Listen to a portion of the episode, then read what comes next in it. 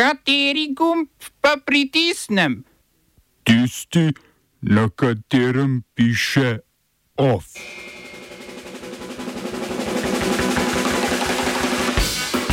Indijsko sodišče razveljavilo sistem financiranja političnih strank.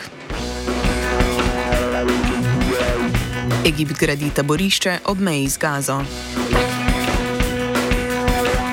Premijer Golop obvestil državni zbor o odstopu pravosodne ministrice Švarc Pipan. Delavci, ki gradijo drugi tir, odpovedali današnjo stavko.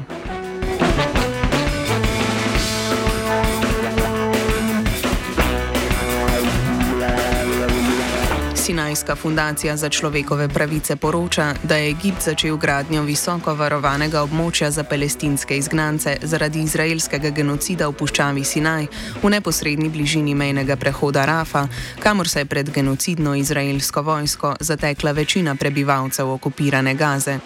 Območje ograjeno s 7 metrov visoko ograjo naj bi pod nadzorom egipčanske vojske zgradili v roku največ desetih dni.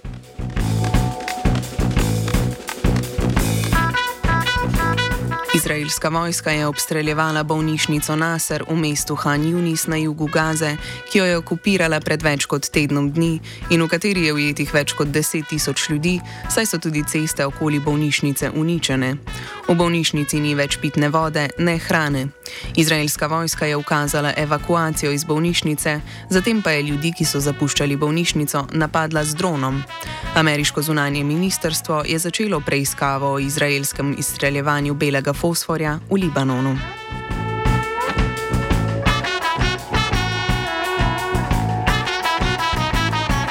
Indijsko vrhovno sodišče je razveljavilo netransparenten del sistema financiranja predvolilnih kampanj, imenovan volilne obveznice, ki je zadnjih sedem let posameznikom in podjetjem omogočal, da finančno podpirajo politične stranke brez omejitev. Volilne obveznice je sodišče označilo za neustavne in državni banki Indije ukazalo naj shrani podatke oseb, ki so jih kupile, ter razkrije podatke političnih strank, ki so jih od donatorjev odkupile. Pobudo za ustavno presojo financiranja kampanj z netransparentnimi obveznicami so vložile opozicijske stranke in skupine civilne družbe, naj kra, kar naj bi kratilo pravico državljanov, da izvedo, kdo financira stranke. Hkrati pa so predstavniki opozicije trdili, da so volilne obveznice način pranja denarja.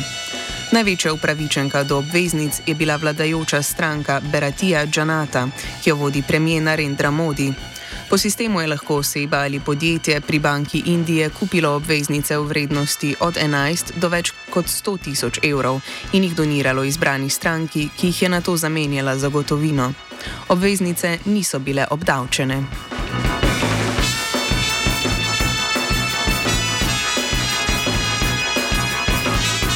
Indonezijski obrambni minister Prabovo Subianto je razglasil zmago na predsedniških volitvah. Nekdani vojaški general, ki je ob koncu 30-letne Suhartove diktature v prejšnjem stoletju služil kot general podpolkovnik in je povezan z mučenjem, izginoti ter drugimi kršitvami človekovih pravic, obljublja nadaljevanje modernizacije v Indoneziji. Preostala kandidata nekdanjega guvernerja Džakarte Anisa Basvedana in nekdanjega guvernerja osrednje Jave Ganžarja Pranova je po neuradnih rezultatih premagal z 58 odstotki glasov. Dozdajšnji predsednik Džoko Vidoto, ljubkovalno Džokovi, je Subjantu izrazil podporo. Ta je sicer za predsedništvo v preteklosti kandidiral že dvakrat, a je izgubil prav proti Vidodu. Slednji je na predsedniškem prestolu obsedel dva petletna mandata in na volitvah zato ni smel kandidirati. Uradne rezultate volitev bodo razglasili najkasneje 20. marca. Za zmago v prvem krogu volitev kandidat potrebuje več kot 50 odstotkov vseh glasov in vsaj 20 odstotkov glasov v polovici posameznih provinc.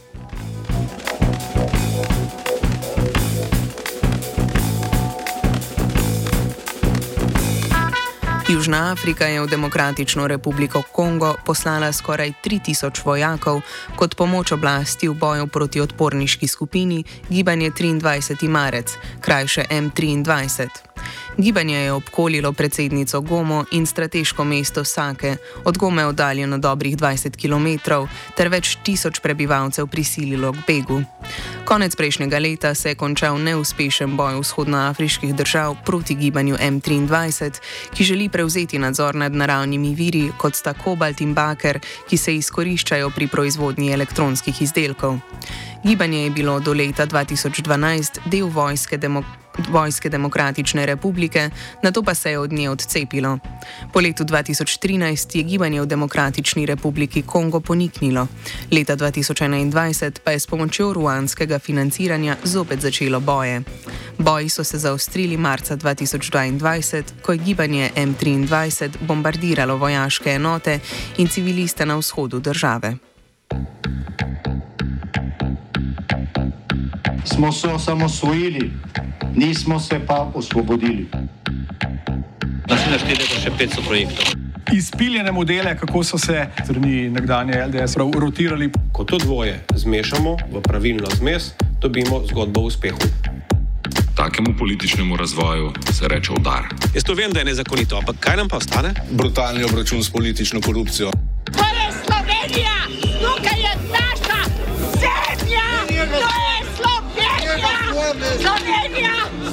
Slovenija.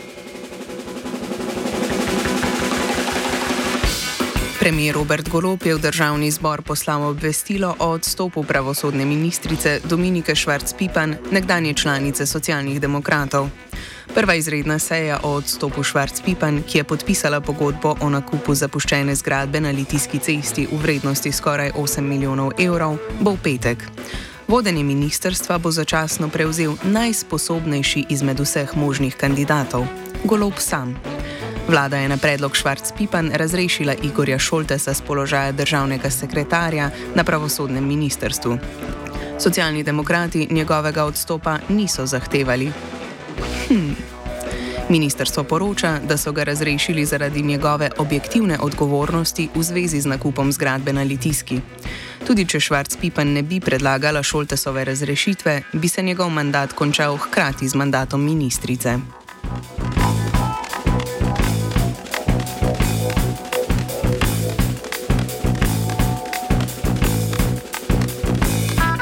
Potem, ko je doktor davčnih utaj Rok Snežič včeraj zatrdil, da do Finančne uprave Republike Slovenije, krajše Fursa, nima neporavnanih dolgov, so v upravi razkrili, da ji pravzaprav dolguje več kot 5000 evrov.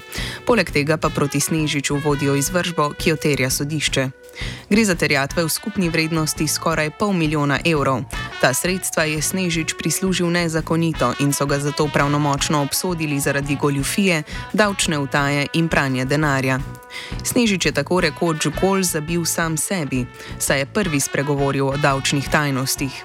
Ker je to storil nepopolno, je lahko davčni organ po zakonu o davčnem postopku razkril podatke o njegovih dolgovih. Furs mu je pred pol leta zasegel tudi avto znamke Maserati. Lastnik vozila naj bi bil po Snežičevih besedah njegov poslovni partner Darjo Ivankovič, ki zdaj zaradi zasega toži Slovenijo na sodišču v Banja Luki in zahteva približno 80 tisoč evrov odškodnine. Furs medtem ugotavlja, da je na podlagi zbranih dokazov dejanski lastnik Maseratija Ipak Snežič, ki ga je v času rubeža tudi posedoval.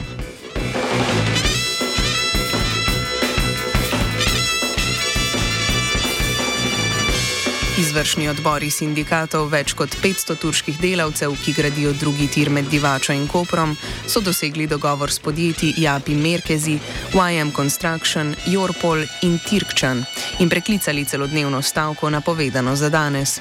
Stavko so napovedali zaradi slabih delovnih pogojev, prevelikega števila nadur, prenapornih delovnih dnevov in neizplačila socialnih dodatkov. Zahtevali so povišanje osnovnih plač za 30 odstotkov, začenši s februarjem, izplačilo dodatka za prevoz in vseh nadur od začetka dela, ureditev varnosti in zdravja pri delu ter ureditev pogojev bivanja. Kako so potekala pogajanja in kakšen je končni dogovor, nam je povedal glavni pogajalec sindikata gradbenih delavcev Slovenije, Oskar Komac. Pogajali smo se kar deset ur v enem kosu, končni dogovor je bil pa sledeči. Namreč naša zahteva je bila, da se osnovne plače povečajo za 30 odstotkov, Na koncu smo se dogovorili, da se povečajo od 15 do 18 odstotkov, odvisno od plačilnega razreda posameznega delovca. Istočasno so se pa tudi dogovorili, da ker bodo zdaj delali nekoliko ur manj mesečno, kot so delali do zdaj, da se zaradi tega zmanjše, manjšega števila ur plače ne bodo znižale. To je bil en dogovor, drugi dogovor je bil ta zahteva po, naša zahteva po izplačilu dodatka za delo na oddaljenem gradbišču, namreč to je po kolektivni pogodbi pri nas predpisano, eh, delodajalec pa tega ni eh, vsa ta leta, od leta 2021, ko delajo tukaj, ni izvajal. Tako da smo se dogovorili, da bodo to poračunali za nazaj, za vsakega posameznega delovca. Tako da mislimo, da bo iz tega naslova tisti, ki so delali recimo že od začetka projekta tukaj, po naših izračunih, kakšnih 2000 evrov bruto delavci iz tega naslova dobili. Kar se pa tiče določenih nejasnosti okrog izplačevanja presežnih ur za nazaj, smo pa ustanovili eno, bom rekel, komisijo, sestavljeno se strani delodajalcev in uh, sindikatov, ki bo dejansko preverila na licu mesta, se pravi preko posameznih plačilnih list in evidenc delovnega časa, če so bile te uh, ure pravilno obračunane in okoliko se bo tle ugotovilo kakršne koli nepravilnosti, so pripravljeni to zadevo tudi poplačati za nazaj. Državna revizijska komisija je zaradi napak v postopku razveljavila razpis Univerze v Ljubljani za gradnjo novih prostorov veterinarske fakultete. Univerza je za gradnjo izbrala avstrijsko podjetje Strabah. Zahtevek za revizijo je vložilo novomeško cestno gradbeno podjetje, krajše CGP, ki je prav tako sodelovalo na razpisu. Revizijska komisija je ugotovila, da univerza v dvofaznem izbirnem postopku ni ravnala v skladu z zakonom, saj je o primernosti kandidatov sklepala šele v odločitvi o oddaji javnega naročila, ne pa v prvi fazi postopka. V prvi fazi bi torej morala odloči, odločiti o usposobljenosti kandidatov, v drugi pa kandidate povabiti k oddaji ponudb. Strabah bi nove prostore veterinarske fakultete v mestnem logu zgradil za 46 milijonov evrov, CGP pa za nekaj manj kot 50 milijonov evrov. Tretji kandidat, Makro 5 gradnje, je dal ponudbo za gradnjo v višini okoli 54 milijonov evrov.